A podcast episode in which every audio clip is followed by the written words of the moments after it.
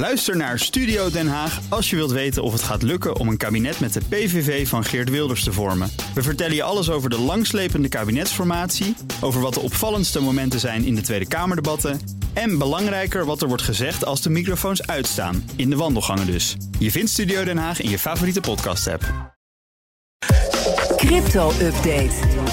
We gaan naar Herbert Blankenstein, presentator van BNR's CryptoCast, ons programma over bitcoin en andere digitale coins. Herbert, goedemorgen. Ah, goedemorgen Bas. Ja, nou, we weten inmiddels wat er allemaal met uh, Sam Bankman-Fried aan de hand is op uh, uh, de Bahama's. En dat hij ja. eigenlijk een beetje verlinkt is door een, door een oud collega. Maar onder de slachtoffers van die hele FTX-affaire is nu ook de directeur van The Block. En dat is een prominente nieuws- en onderzoeksclub hè, in crypto. Ja, en de naam van de directeur is Michael McCaffrey. Um, zijn opvolger is Bobby Moran, iemand die al een topfunctie, topfunctie had in het bedrijf. En volgens Moran is McCaffrey de enige die wist van drie grote leningen van, uh, die uh, ze hadden gekregen van Alameda. Ja. Alameda is dan weer een bedrijf van Sam Bankman-Fried. Ja, dat was een investeringsvehikel en daar zou hij geld naartoe ja. hebben gesluist vanuit, vanuit zijn, zijn FTX-club. Precies, er ging allerlei geld heen en weer tussen die bedrijven. Dat was mistig. Maar goed, um, leningen dus van Alameda aan uh, McCaffrey, uh, dan wel aan de blok. Eén lening was om investeerders in de blok uit te kopen. Een andere lening was voor de bedrijfsvoering om die te financieren. En een derde pikant voor de persoonlijke aanschaf door McCaffrey van vastgoed op. En daar zijn we weer, de Bahama's. Nou, de buurman van uh, ja, dat zou die waarschijnlijk worden. Ja, zoiets moet het geweest zijn. In elk geval, dat was bij elkaar 43 40 miljoen aan leningen. Deels dus voor het bedrijf, deels voor meneer McCaffrey persoonlijk. Um, niet dat dat veel uitmaakte trouwens hoor, want um, hij was uh, meerderheidsaandeelhouder. En nu die weg is als directeur, blijft hij dat trouwens nog steeds. -hmm. Maar het probleem was natuurlijk dat uh, ja, een nieuws- en onderzoeksbedrijf, uh, als dat in het krijt staat bij een bedrijf dat onderwerp kan zijn van uh, nieuws of onderzoek, dan is dat um, niet in de haak. En bovendien wist dus alleen de directeur daarvan. Ja. Dus dan ligt er belangenverstrengeling op de loer. Dan had hij chantabel kunnen zijn.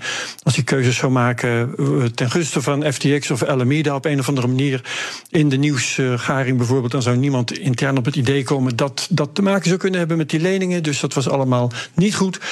Um, nu dat bekend is geworden, ja, kon McAfee eigenlijk alleen maar ophoepelen als directeur. En ja. dat heeft hij gedaan. Juist. Dan een nieuw soort crypto-betaalkaart. Het werkt een beetje als een bankbiljet. Leg eens uit.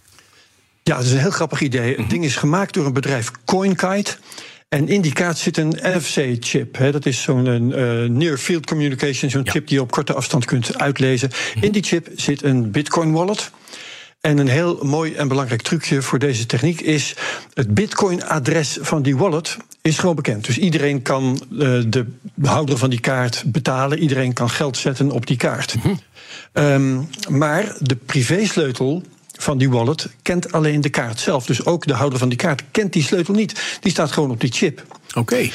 Uh, dus alleen wie die kaart fysiek in handen heeft, kan het geld uit die wallet uitgeven. Hm. Um, en wat kun je nou doen? Je kunt uh, die hele kaart aan iemand geven als betaling of als ja. een cadeau. En degene die dat krijgt, heeft dan zeggenschap over het geld dat erop staat. Ja, precies. Inderdaad, een soort, soort kunstvol bankbiljetje. Maar hoe weet je dan wat, wat er op die kaart staat? Nou, het is een NFC-chip, die is dus uh, oh ja. uit te lezen op korte afstand. En dat doe je met een smartphone, met de juiste app daarop. En dan kun je de inhoud bekijken. Je kunt niet de privésleutel zien, maar wel het saldo. Juist. Dus stel bijvoorbeeld, jij, jij krijgt van mij 1 honderdste bitcoin, dat is 160 euro. Ja. Stel dat ik jou dat schuldig ben, dan kun jij eerst checken of het goede bedrag op die kaart staat. En dan zeggen... Oh. Helbert, dan zijn we Helbert, je, je, viel even weg. Maar inderdaad, oh. ik, ik, je kan checken met je smartphone, kijken of die 160 euro er inderdaad op staat. Ja, precies. En uh, dan is het dus of ik jou een complete portemonnee met 160 euro ja, ja. erin geef. En uh, we kunnen ook afspreken dat ik het gewoon openmaak van de wallet naar jouw Bitcoin-adres. Dat kan ook, maar dat is een keuze die je samen maakt. Ja. Moet je hem niet kwijtraken, die kaart, want dan is je geld weg. Ja, dan heeft iemand anders je geld. Maar dat je moet ook je portemonnee ook. Ja, dat, dat is met een portemonnee. Ja, precies, dat is net zo met een, met een bankbiljetje. Moet je ook niet kwijtraken. Uh, ja. En, en, ja, maar misschien accepteer ik alleen euro's. Ja, dat komt in deze wereld veel voor. Ja, dan, moet, dan is dat mijn probleem. Dan moet ik iets anders gebruiken dan die kaart. Mhm. En we zullen wel zien of dit gaat aanslaan. Misschien niet. Dat uh, komt voor dat uitvindingen niet aanslaan. Maar ja, weet je, Bas, ik heb ook een tijd gedacht: waarom zou ik gaan internetbankieren? Want dat kan ook wel op een andere manier.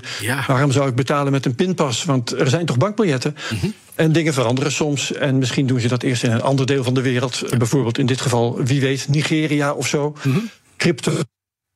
Want in crypto.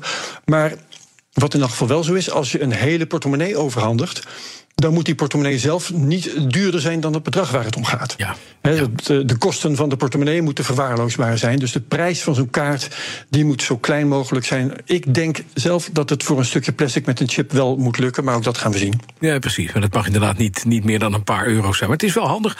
We vonden destijds. Ja, ja, smartphones vonden we ook niks, want het was allemaal onzin. Want waarom zou je moeten bellen? Nee, ik hoef niet zo'n ding, heb ik zelf nee, gezegd hoor. Ja, ja. 20 jaar geleden. En wie heeft hem niet?